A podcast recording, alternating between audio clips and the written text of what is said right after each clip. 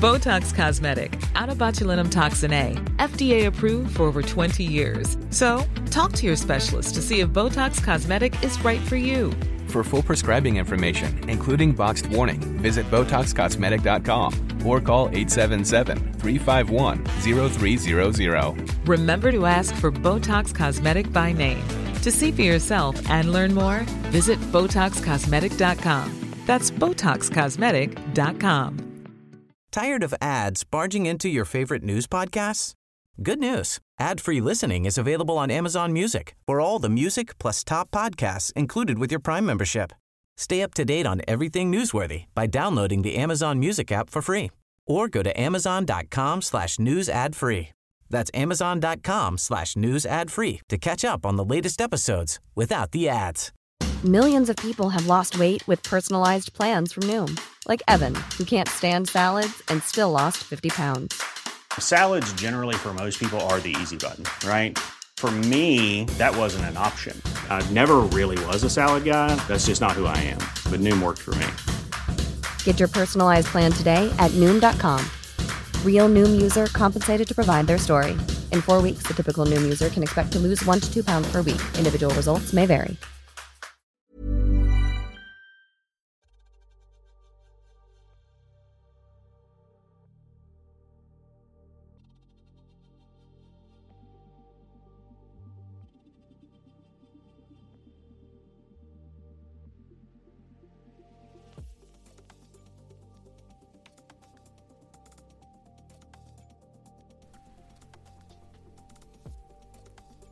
True crime är en vedertagen genre i populärkulturen sedan decennier tillbaka. Under sex års tid så har genren vuxit i rasande takt, inte minst inom podcastvärlden. Fler konsumerar och fler producerar. Verkliga brott har gått från att täckas av journalister och deckarskribenter till att vem som helst gör underhållning på ämnet. Det som förr relaterades till true crime kallas ofta för mordpoddar där ett nytt mord täcks av kreatörer varje vecka. Den stora vågen av mordpoddar har väckt rubriker och debatter i media. Där det blivit en fråga om etik och moral, om hur man får göra underhållning av andras trauman. Att kvinnor är de största konsumenterna av mordberättelser och dokumentärer är också någonting som diskuteras flitigt i sociala medier Våldsskildringar som främst konsumeras av män i form av våldsporr, kampsport och filmgenrer är numera vardagskonsumtion av kvinnor. Mordgarris samlas i grupper på Facebook där de diskuterar, spekulerar mord och delar förundersökningsprotokoll med varandra. År 2022 förlorade 116 människor livet i följd av dödligt våld. 93 av dessa var män. Trots detta och att kvinnor som grupp nästintill är obefintliga i lagförande av dödligt våld är det berättelser om kvinnor som mördats eller mördats som toppar listorna. Men det som gör det intressant för Uppdrag 6 är att de mord på kvinnor som toppar listorna innehåller sexuellt våld eller sexuella motiv.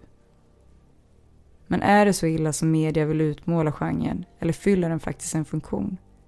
Kan vi lära oss någonting av sexuella våldsskildringar och är det egentligen därför vi konsumerar true crime?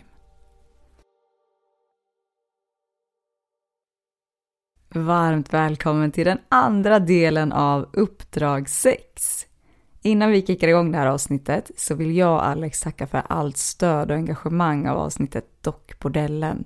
Vi har under veckan tagit del av många intressanta tankar kring ämnet och högst troligt så lär vi besöka ämnet Real Dolls igen, men då med en ny take. Uppdrag 6 är en true sex-dokumentär som flörtar med genren true crime som utreds i veckans avsnitt. Och här gör vi smala case om människans sexuella beteende och sätter sex i kontext. Rösten du hör till av mig, Matilda Karlsson, bakom text och produktion ligger Alexandra Reismar. Tillsammans utgör vi Uppdrag 6, där vi får grotta ner oss och forska i det vi brinner för mest. True sex. Men nu kör vi igång va?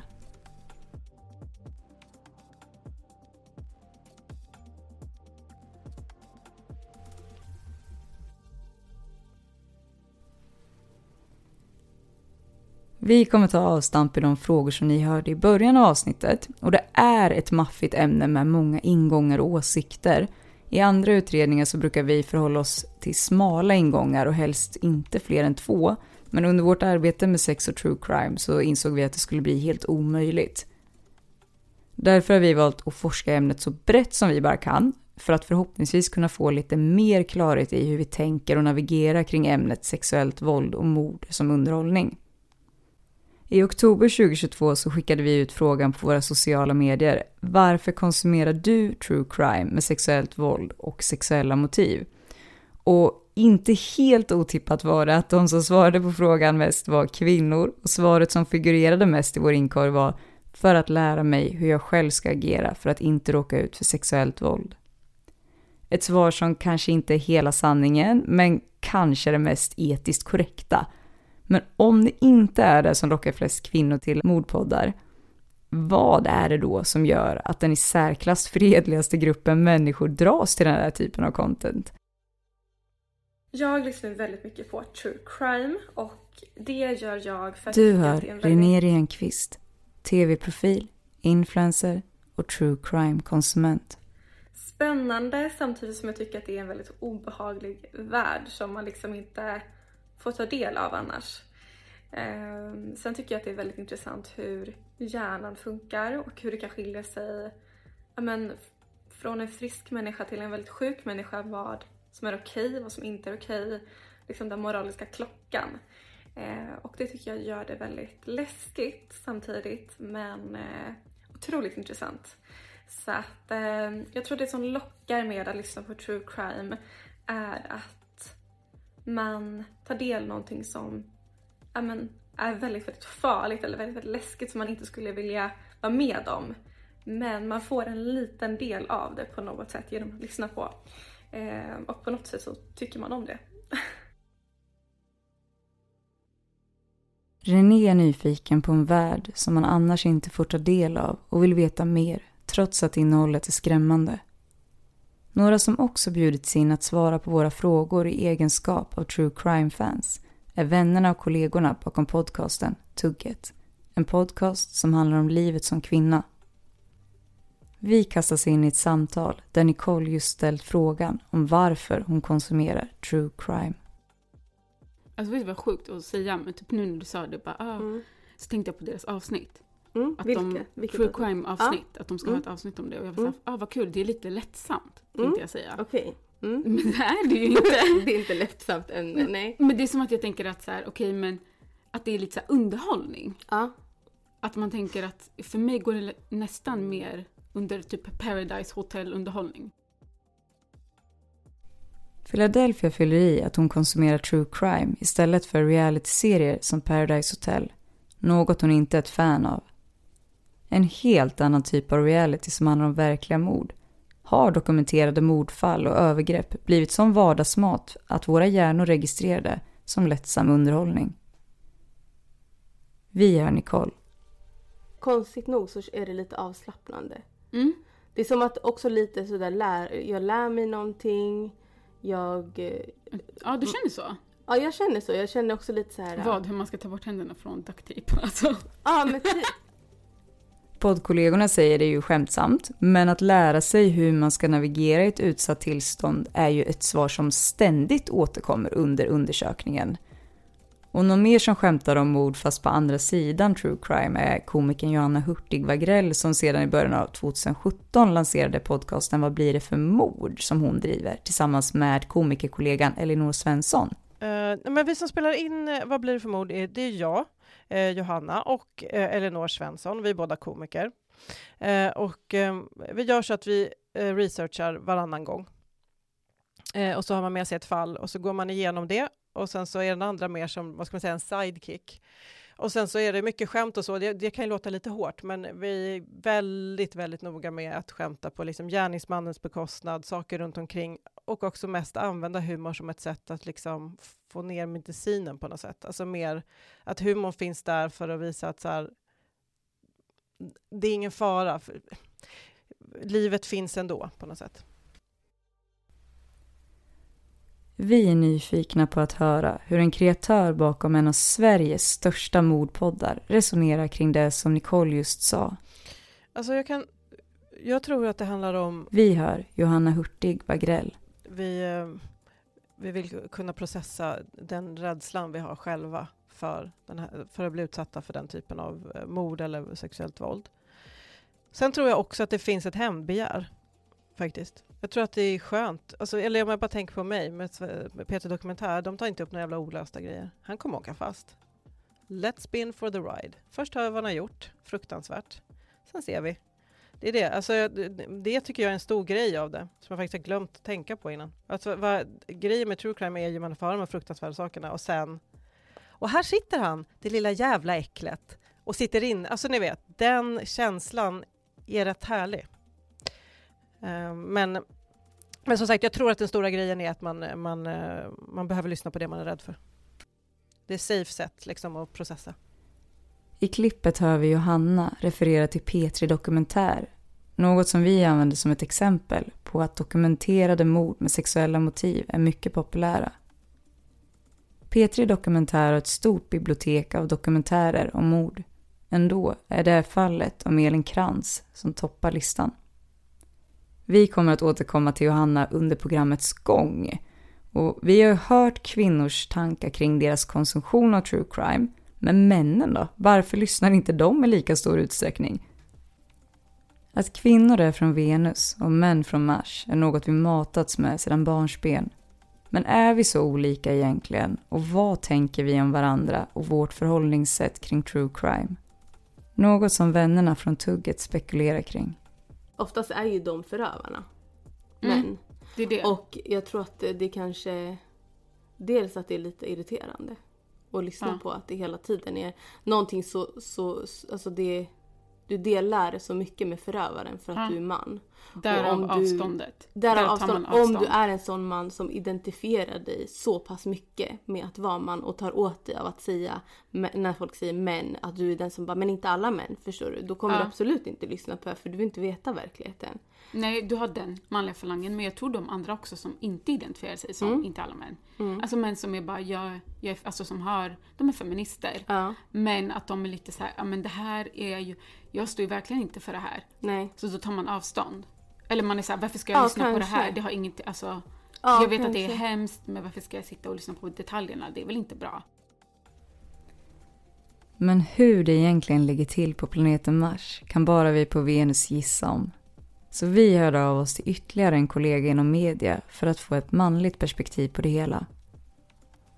Vi hör podden och Youtube-kanalen Snabb Fakta svara på frågan om varför han tror att män inte konsumerar true crime, sexuellt våld i lika stor utsträckning som oss kvinnor.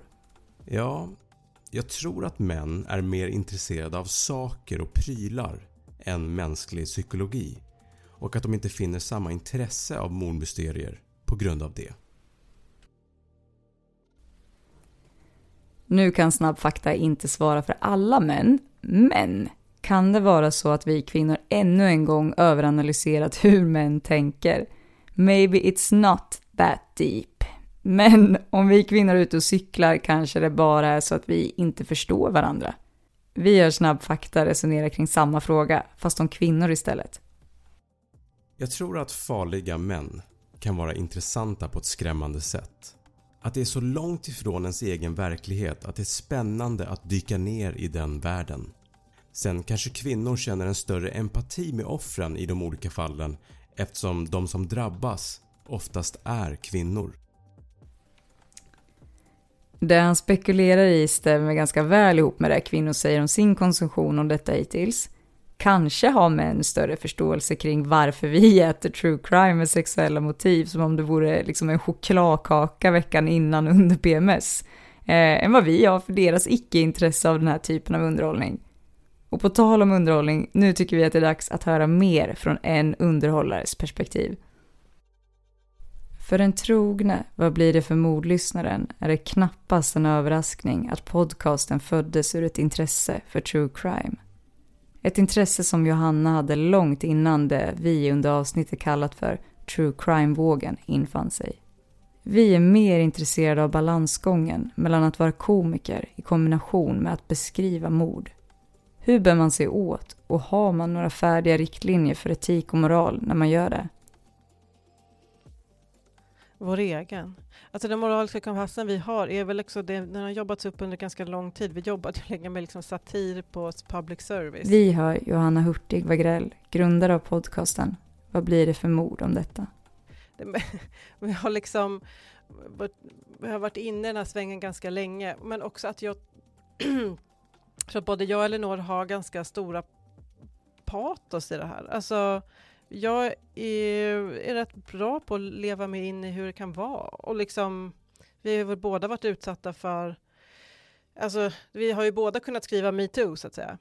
Så det är ju inte som att eh, har man levt i den här världen och liksom hängt med i samtalet och också, vad ska man säga, jobbat med att sända ut eh, lite känsliga grejer för mycket folk inom public service, så har man liksom skaffat sig en ganska bra kompass. Och den, den går jag på, och jag tror att eh, det är också så jag funkar. Vi har ju en del fall, de är så olika de här fallen, så det kan, det kan vara väldigt svårt att säga alltså att en regel skulle gälla för alla när jag pratar om det, utan jag måste på något sätt jag måste våga bara sätta mig in i varje offer, varje situation och känna efter just för den. Och vara med. Hur känner jag?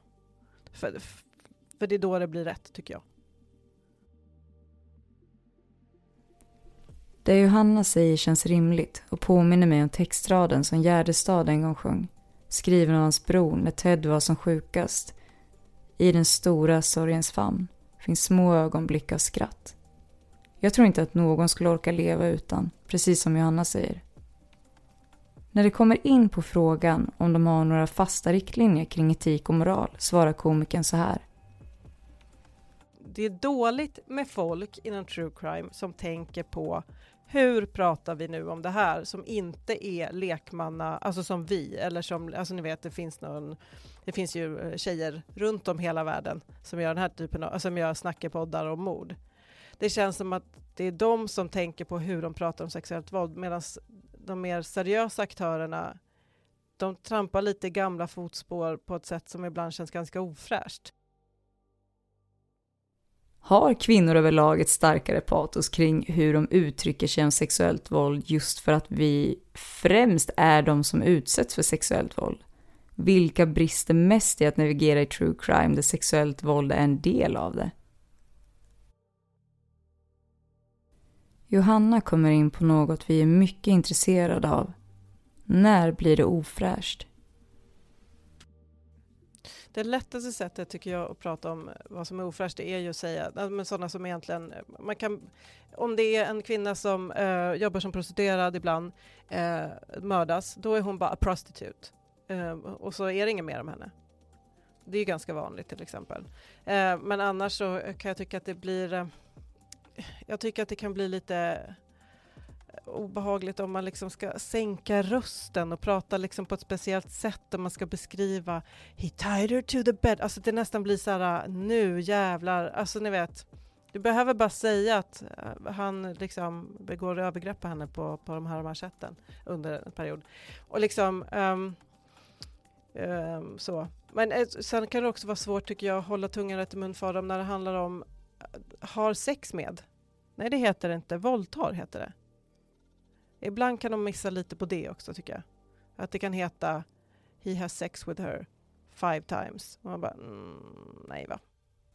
Men finns det någon gång där ingående skildringar av sexualbrott är lämpliga eller fyller en funktion? Mm, det kan det ju finnas. Eftersom ofta så kommer ju gärningsmannen när han väl blir tagen eh, berätta saker på ett annat sätt. Och då måste man kunna visa på, eller då kan det vara bra att bara, fast så funkar det ju inte. Um, och jag menar när gärningsmannen har en, en beskrivning av vad han ska ha gjort um, så är det rätt skönt att bara kunna ta ner den. Uh, så att den har vi berättat, den kan ju vara ganska ingående. Eller när någon har överlevt och valt att berätta sin historia, så där, då är det också ganska ingående ju, hur, hur saker har gått till och så. Men um, men eh, som sagt, det är väldigt olika. Men jag, ibland finns det ju absolut en, en mening med det, för man vill liksom inte att... Eh, jag tycker liksom, fattar att det är skitjobbigt för offret, men om man bara fokar på, ska gärningsmannen verkligen komma undan med att han har gjort det här supersjuka? Nej. Alltså det, det, tyvärr. Vi kommer behöva döma dig för all evig tid för att du gjorde den här super, supersjuka grejen. Vi vet ju hur det är att grotta ner sig i tunga ämnen som ibland blir för mycket att bära. Eh, det måste vara väldigt tufft att leverera ett mord varannan vecka och lyssna på ett och annat nästa. Johanna berättar om ett av fallen som berört henne. Det vanliga som jag tycker kan bli jävligt illa berörd, jag hade något ganska nyligen fall med en kvinna som blev liksom mördad i, i, alltså i en kyrka som hon älskade mycket och så liksom har fått sak, alltså, saker intryckta i öppningar och sådär. Det där, alltså, bara det, man, det måste, man måste ju säga det, för det har ju hänt. Men fy fan vad jag kan må illa av det. Vi funderar på om det är dags att sluta jobba med tunga ämnen när du inte längre mår illa eller berörs av historier som denna. Men när är det dags att ta en paus från mordpoddar och vart går människors smärtgräns för vad som är för mycket att ta in? Jag har väldigt svårt för att lyssna på poddar där barn kommer till skada. Vi hör René. Det, de poddarna brukar jag faktiskt, de avsnitten brukar jag faktiskt undvika. Eh, det de är någonting jag tycker är ganska obehagligt att lyssna på. René är inte ensam om att undvika att klicka på mordpoddar med sexuella våldsskildringar där barn är offer. Många uppger detta som en dealbreaker. Trots det så konsumeras de. Mordet på Engla och Lisa Holm är två av Sveriges mest täckta fall och båda i toppen av dokumentärer som lyssnats på. Två fall som inte bara skakade deras hemorter utan hela Sverige. Johanna säger något som fastnade hos oss när det kommer till sådana fall där barn är de som faller offer för det ofattbara. Jag tycker att det, med, true crime så tror jag att det, det finns en, det, det, finns någonting bra med det. Jag tror att det gör någonting bra med sin grund så är det ju en, en, en lite problematisk grej. Eftersom det handlar om människors faktiska, som de kanske inte alltid har valt att berätta om själva och ibland har de det. Men eh, med det sagt så tror jag mer att man behöver prata om hur, hur man gör det än att man gör det. För att jag tror att det finns något väldigt allmänmänskligt i att... Det är som att vi tycker att det är självklart att vi pratar om Estonia, för det var så många som dog då. Men om bara ett barn försvinner, då är det lite så här, mm, nej, det ska inte vi prata om. Men det måste vi ju. Det är ju väl minst lika stort, egentligen.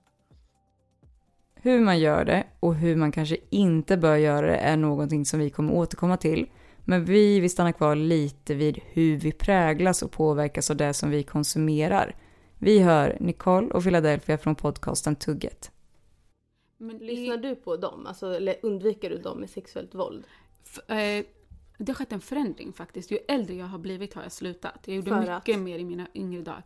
För att jag inte orkar med den stressen. Nej. Jag vill bara ha ro.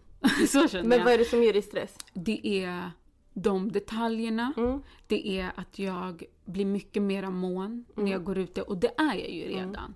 Alltså, jag är ju redan stressad. Mm. Jag har redan nycklarna mellan fingrarna på mm. vägen hem. Exakt. Och förut var det som att jag ville veta allt. För då kan Precis. jag vara förberedd. Mm. Och, men idag så är jag såhär, jag orkar inte alltså. Nyckeln mellan fingrarna har blivit en symbol för hur kvinnor tvingats anpassa sig i ett samhälle där vi som bär på minst våldskapital får råd från polis att inte ta en löprunda sent på kvällen och om vi gör det bör vi göra det utan hörlurar för att lättare höra om någon kommer efter oss. Välvilliga råd, men något som inskränker kvinnors frihet. Men vad händer när en människa känner sig berövad på sin frihet där 13 kvinnor mördas på 13 veckor? Kan true crime vara ett verktyg för att känna någon form av kontroll? Även om Snabb Fakta själv inte konsumerar true crime så gör ju hans flickvän det. Och ofta hör vi män som ojar sig över deras partners intresse för mordpoddar. Därav frågan om hans funderingar kring hans flickväns true crime-konsumtion. Jag tror att hon gillar att försvinna in i en värld som är helt olik hennes egen. Vi hör podden och Youtube-kanalen Snabb Fakta. Sen tror jag också att det handlar lite om kontroll. Hon lyssnar gärna om på samma avsnitt flera gånger. Hon vet vad som kommer att hända och hur allt slutar och det känns nog tryggt på något sätt. Att hon har kontroll över situationen genom att veta utfallet. Även han kommer in på kontroll. Men ponera att vi har gjort våra 10 000 timmar true crime. Oavsett intentionerna med varför vi lyssnar kan det hjälpa oss med hur vi navigerar kring sexuellt våld i våra egna liv och i sånt fall hur. Vi ställer frågan till René och podcasten Tugget. Vi lyssnar på det. Jag tror att personligen så skulle jag nog säga att man liksom har lärt sig att eh, kanske tänka lite mer på saker som man har blivit varnad för som många av de här offren som har blivit utsatta för mord eller brott eller övergrepp eller överfall. Eh, att man liksom har fått lära sig lite vad de kanske missade för signaler som är väldigt lätt, lätt att missa. Vissa är jättesvåra att se. Men jag tror att väldigt många av de här små, små signalerna Hey everyone, it's Jen and Jess from the beauty podcast Fat Mascara here to talk about Sol de Janeiro. So many of the beauty experts we interview on our show say that the key to great skin is to treat every inch of your body with the same attention you give your face. One of our favorite ways to do that is with Sol de Janeiro's Beija Flor Elastic Cream, a rich body cream that's clinically proven to boost collagen and has been shown to improve skin crepiness on the chest in just two weeks. Plus, it's scented with Sol de Janeiro's Charosta 68 fragrance. Sol de Janeiro is offering you 10% off your first order on soldejaneiro.com and free shipping with the code ACAST10. That's S O L D E J A N E I R O, soldejaneiro.com, and use the code ACAST10 for 10% off. Tired of ads barging into your favorite news podcasts? Good news. Ad-free listening is available on Amazon Music for all the music plus top podcasts included with your Prime membership. Stay up to date on everything newsworthy by downloading the Amazon Music app for free or go to amazon.com slash news ad free. That's amazon.com slash news ad free to catch up on the latest episodes without the ads. signalerna kan vara viktiga att kanske tänka på. Eh, särskilt om man är i ett förhållande med någon som kanske är ja, men börjar visa små tecken på kanske svartsjuka eller kontrollbehov, att man ska ta den på allvar. Så jag tror absolut att poddar kan hjälpa kvinnor att vara mer vaksamma och liksom inte blunda när det är saker som kanske inte går under vad man nu kallar då ett normalt beteende eller agerade mot sig själv eller någon annan i sin omgivning. Ehm, och ja, men vissa poddar till exempel som handlar om kidnappningar. Eh, vad ska man tänka på? Hur ska man agera? Eh, kan man göra någonting för att lämna spår efter sig? Kan man göra någonting för att navigera hur man, hur man åker? Eh, och så vidare och så vidare. Så jag tror absolut att det kan vara positivt att lyssna på true crime eh, och kolla på dokumentärer. Och absolut för kvinnor som vi tyvärr är väldigt drabbade.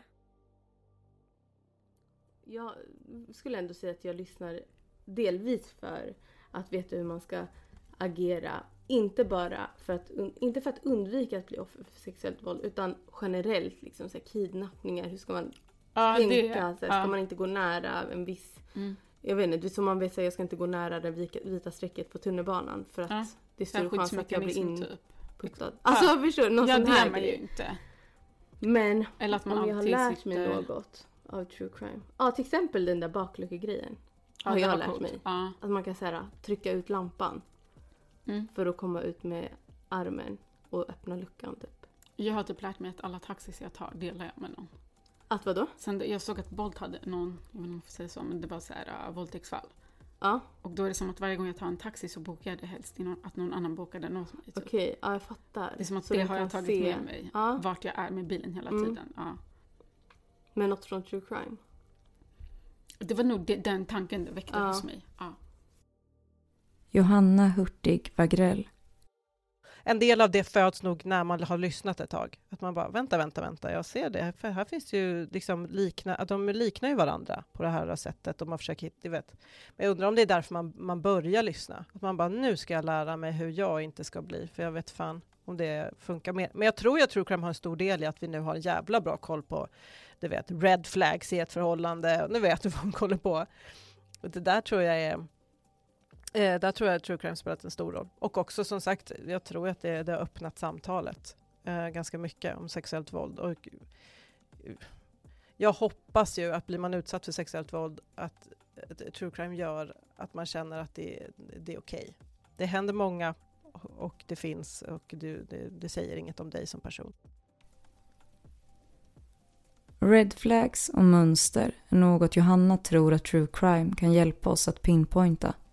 Men finns det några specifika som är viktiga att hålla utkik efter? För att få svar på det har vi fått hjälp från Anova.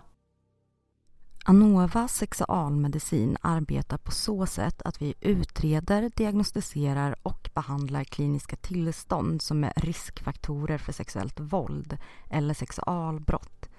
Det rör sig för vår del om sexualmedicinska diagnoser som tvångsmässig sexualitet eller hypersexuell störning. Patienter brukar kalla det för sexmissbruk och olika parafilier. De parafilier alltså sexuella avvikelser, som man främst brukar betrakta som risk är pedofilstörning, men även exhibitionism, voyeurism och frotterism brukar vara riskfaktorer för otillåten sexualitet eller sexbrott. Exhibitionism innebär att man visar upp könsorgan för någon som inte har givit samtycke Eh, det förekommer ibland på nätet som dickpics där den som skickar inte har inhämtat samtycke eller att det sker i ömsesidighet. Voyeurism är diagnosen för att man går igång på att smygtitta på personer som är nakna eller har sex och frotterism är att gnida sig i sexuellt syfte mot en person som inte samtyckt. Även sadism kan vara en parafili som, om det inte sker i ömsesidighet som vid eh, BDSM är en allvarlig risk för sexuellt våld. Viktigt är att man kan ha ett sexuellt intresse eller tändningsmönster utan att leva ut det gentemot någon. Man väljer ju inte sitt intresse eller avvikelse men man är alltid ansvarig för sina handlingar. Man kan alltså få diagnosen om man bara har fantasier. En del har enbart fantasier, en del agerar ut eller har impuls att göra det. Diagnos får man om man har haft intresse i minst sex månader och det förorsakat lidande och funktionsnedsättning. Det senare innebär att parafilin eller tvångsmässig eller kompulsiv sexualitet till exempel titta för mycket på porr, stökar till vardagen. Det vanliga är att man underlåter att göra viktiga saker, skjuter upp sånt som är tråkigt eller utsätter sig för risker då har man en funktionsnedsättning av sin avvikelse eller sexmissbruk. Och många lider av sitt beteende för att det är så skamfullt. Så finns där ett mönster? Kan Anova ge svaret? Man brukar betrakta sexualbrott som en handling i en viss situation. Vi hör sektionschefen och psykologen Katarina på Anova Ofta finns det ju bakomliggande orsaker, kanske depression, isolering. Men det brukar börja med en stark upptagenhet vid sexuella handlingar och fantasier som leder till att man har en rational. Ett, ett tankesätt som försvarar en viss handling. Och när man får en given situation så sker ett övergrepp eller brott. Det var många parafilier att hålla reda på och för transparens så är det Alex som har axlat rollen som uppläsare av dessa svar som vi har fått in via mail. Och vi kommer återkomma till Anova och deras arbete, men vi vill reda ut någonting som har diskuterats flitigt de senaste året. Hur stor roll spelar konsumtion av våldsporr in när det kommer till att agera på sina sexuella fantasier eller störningar? Vi kommer att lyssna till Johanna Hurtig Wagrells tankar kring det här tänkt på det där en del. Jag vet Ted Bundy var ju, alltså försökte få det till det. Men det fanns ju liksom, han ville bara, det var ju bullshit.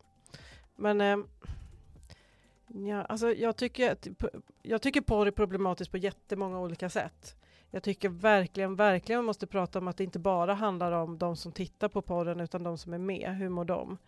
Eh, uh, med, med det sagt, det finns ju inget, alltså titta på folk som knullar är väl nice. Alltså det är liksom, jag kan inte se att eh, det är något fel med att titta på sina sexuella fantasier eller så länge de som uh, har spelat in det har det bra, liksom, alltså, så tror ju inte jag nödvändigtvis att porr är, det blir lite skylla ifrån sig grej liksom ja det var, det var porren. Man bara, nej du sökte ju upp den porren för att du har det i dig. Du borde kanske ha lagt locket på. Sen viss porr är, är ju fel. Förstår du vad jag menar? Det är klart att det kan ju vara jätte... Det är ju mm, filmade övergrepp. Säger man ofta porr om? Det är det ju inte. Liksom. Men så det blir svårt att bara prata om porr som begrepp, för då blir det, då blir det lätt att man blir den här moraltanten som bara Jag tror porr är väldigt skadligt. Nej, det tror jag inte. Men jag tror absolut att det finns filmade övergrepp där ute som är sjukt skadliga både för de som är med och de som eh, konsumerar det. Men porr i sig tror jag inte är något problem. Förstår ni hur jag menar då? Man måste göra skillnad på porr och porr. Johanna tycker att individens ansvar och hur vi tenderar att använda porren som ett svepskäl eller ursäkt för sitt agerande. Vi ställer samma fråga till Anova som även de gör en poäng av ansvar för sina egna handlingar. Om porr kan spela in som en trigger till att begå sexualbrott, det vet jag inte exakt. Det är en svår fråga, men den har inget enkelt svar. Det finns idag inget stöd för att porr orsakar brott, men däremot finns det stöd i forskningen att det finns ett samband mellan pornografianvändande och brott. Som Anova understryker finns det inte tillräckligt mycket forskning som stöder tesen om porr skulle driva en eventuell gärningsman att handla på sina fantasier. Dock finns det forskning som stöder att de som begår sexualbrott ofta konsumerar den typen av pornografi. Men hur ser vi på ansvar när det kommer till att producera och konsumera true crime med sexuellt innehåll helt okritiskt och varför har det blivit så stort? Men alltså ju mer okej det blir, desto fler vågar väl erkänna att de tycker att det är spännande och vill göra det. Johanna Hurtig Wagrell. Och sen finns det väl också någon sorts medgångsfakt, alltså ni vet, att folk gärna hoppar på något som de tror funkar. Alltså jag vet inte hur många möten vi har haft med olika produktionsbolag där de väldigt sällan förstår vad vi gör eller förstår poängen med vad vi gör och är så här, vi skulle vilja göra det här till någon tv-grej. Alltså vi har haft bra möten också. Alla som eh, vi har haft möten med ska inte känna sig träffade alls, men eh, många eh, har ändå varit väldigt så här, kul att ni så här, kan man prata om den mördaren? Man bara, men ni förstår att vi liksom inte idoliserar mördare va? Liksom, alltså, men det, det där, alltså att det finns många produktionsbolag nu som är så här, fan true crime funkar ju, för innan gick det inte heller att sälja på. Man går ju gärna runt på sponsorer, som ni vet, och det gör ju vi med. Vi väljer ju våra ganska noggrant så att det inte blir fel. Men, mm, men eh, innan var ju det helt omöjligt för ingen ville eh, göra reklam i en true crime-podd för de trodde att det var liksom the worst of the worst. Tills man nu kanske har insett att det här är, det här är något som går att göra bra och inte, det, det är inte vad man tror att det är alltid. Men, men och därför har väl fler produktionsbolag hoppat på och valt att göra det. Mm. Det finns helt enkelt pengar i det nu. Pengar är alltid en styrande faktor och mordpoddar tycks vara här för att stanna. Så hur sköter man det snyggt i egenskap av kreatör? Alltså, så länge man inte använder det för någon sorts shock value. Förstår ni vad jag menar? Man inte tänker så här, ah, det här var snaskigt.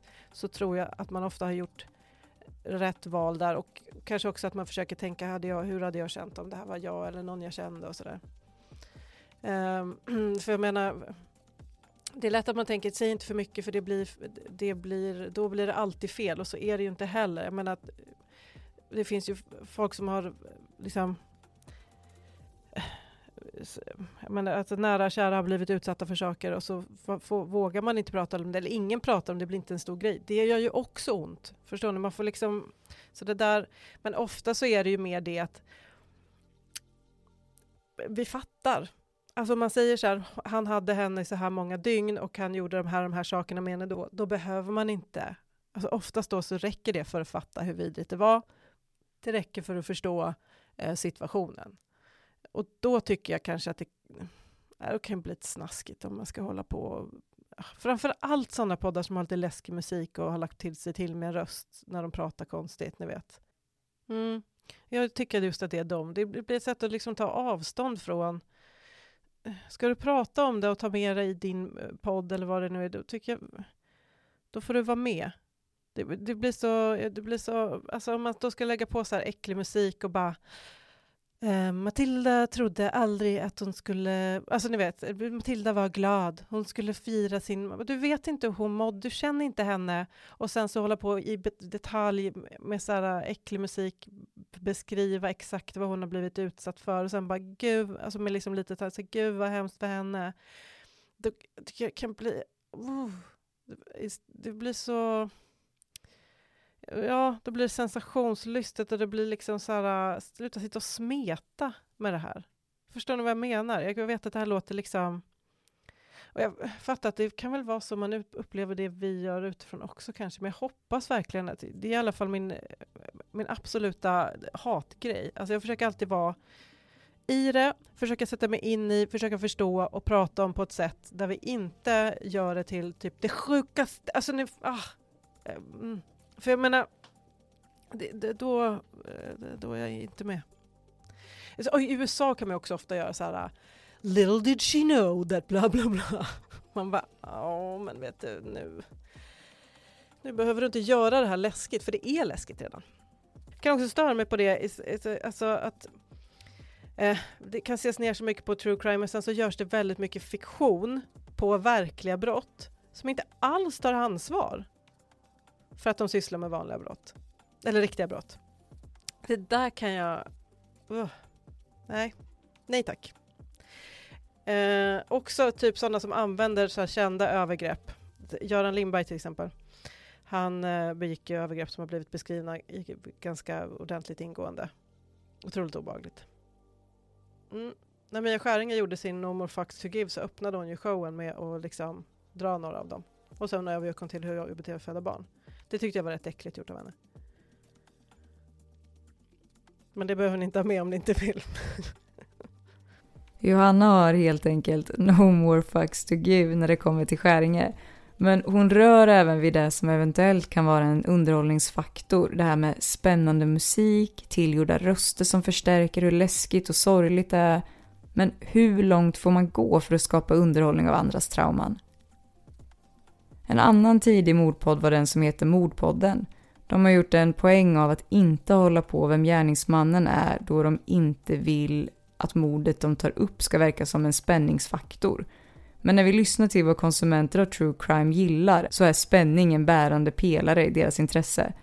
Sen skulle jag nog säga att jag lyssnar mest på true crime poddar där det är, de flesta fallen är ju mycket om sexuellt övervåld och sådana sorters brott. Vi har medieprofilen René Renqvist. Jag tycker dock om när det kanske handlar om något som är lite mer otippat, kanske typ att ja, men när det är en, en kvinnlig mördare eller när det är liksom, ja det låter jättehemskt men kanske typ när någon känner någon eller när det är liksom den otippade mördaren i ett fall tycker jag gör ett fall väldigt mycket mer intressant.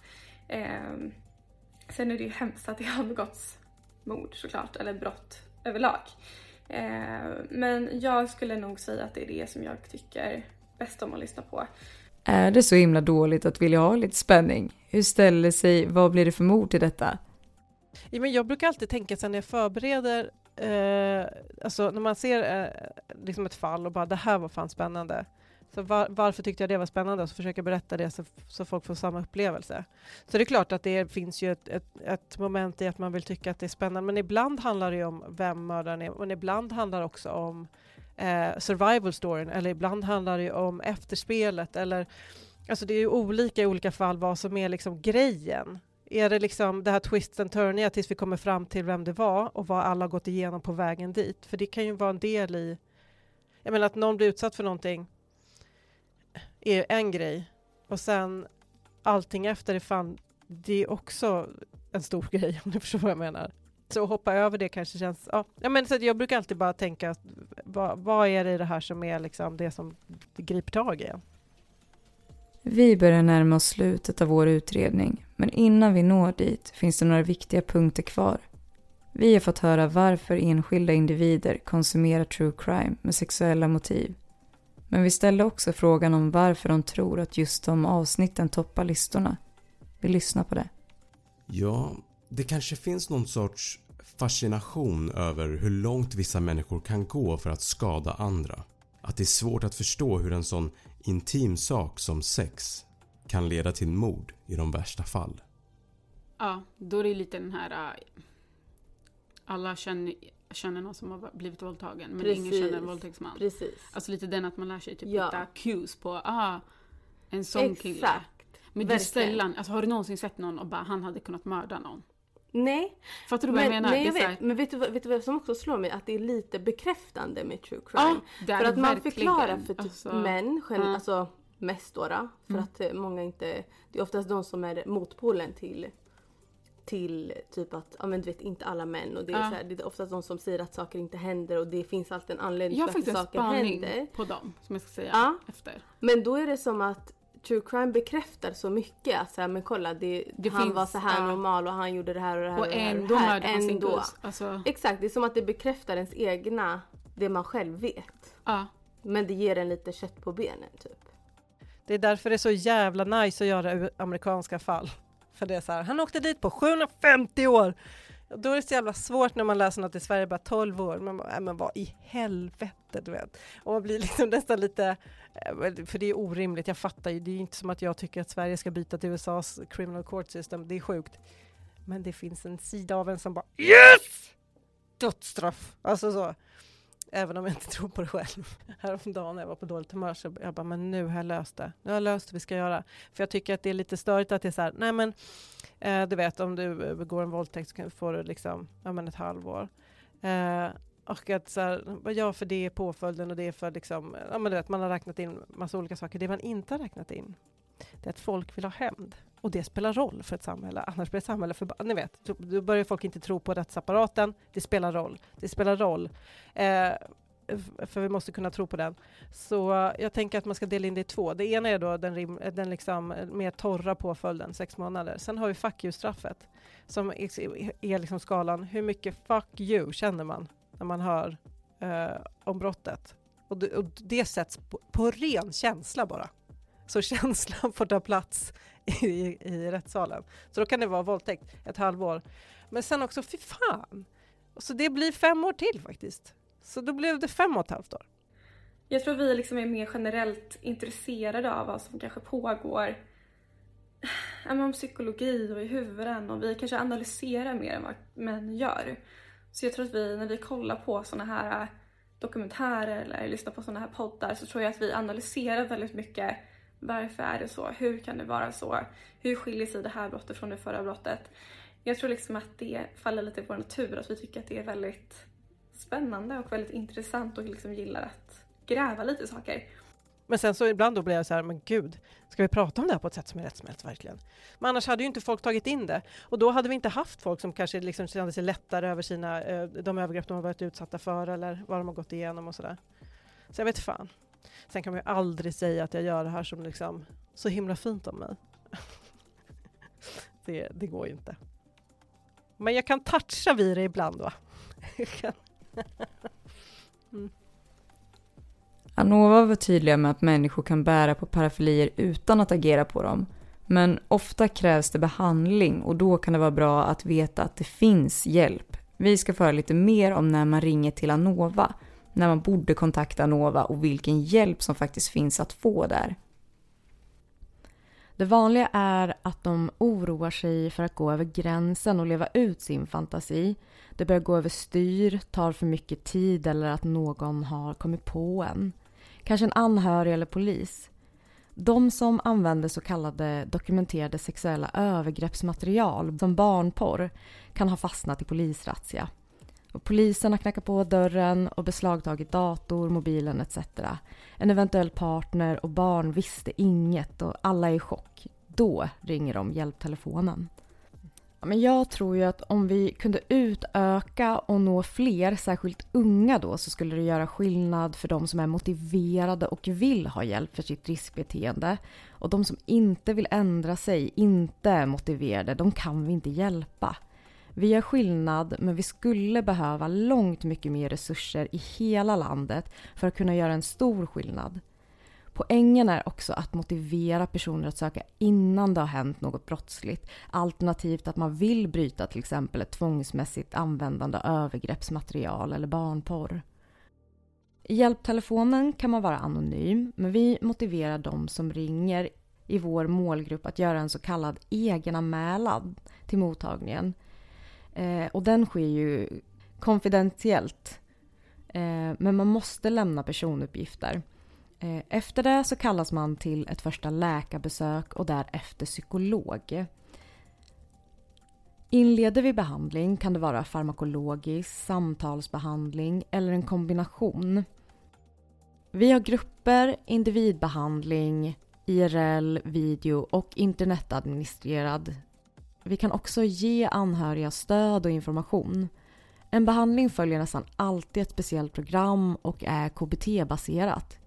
En kontakt kan variera i längd men mellan 1 till 3 år, ibland kortare. Farmakologiskt erbjuder vi antitestosteron, alltså hormondämpande, SSRI, antidepressiv och Naltrexon. Eh, det är en opiat som man brukar ge vid alkoholberoende.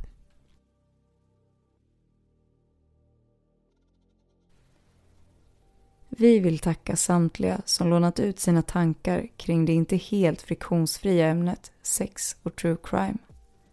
Vill du vara med och diskutera avsnittet eller säga din mening finns vi på Instagram där vi heter Uppdrag 6.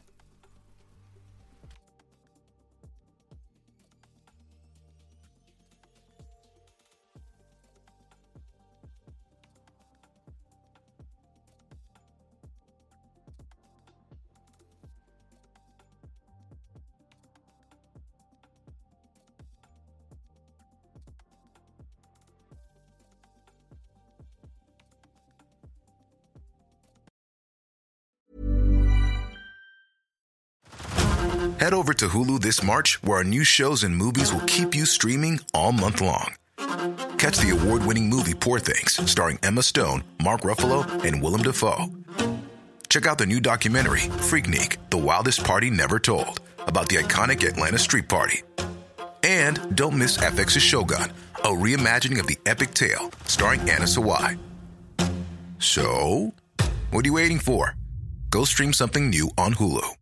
Hey everyone, it's Jen and Jess from the beauty podcast Fat Mascara here to talk about Sol de Janeiro. So many of the beauty experts we interview on our show say that the key to great skin is to treat every inch of your body with the same attention you give your face. One of our favorite ways to do that is with Sol de Janeiro's Beija Flor Elastic Cream, a rich body cream that's clinically proven to boost collagen and has been shown to improve skin crepiness on the chest in just two weeks. Plus, it's scented with Sol de Janeiro's Charosta 68 fragrance. Sol de Janeiro is offering you 10% off your first order on soldejaneiro.com and free shipping with the code ACAST10. That's S O L D E J A N E I R O, soldejaneiro.com, and use the code ACAST10 for 10% off. Tired of ads barging into your favorite news podcasts? Good news. Ad-free listening is available on Amazon Music for all the music plus top podcasts included with your Prime membership. Stay up to date on everything newsworthy by downloading the Amazon Music app for free or go to amazon.com slash news ad free.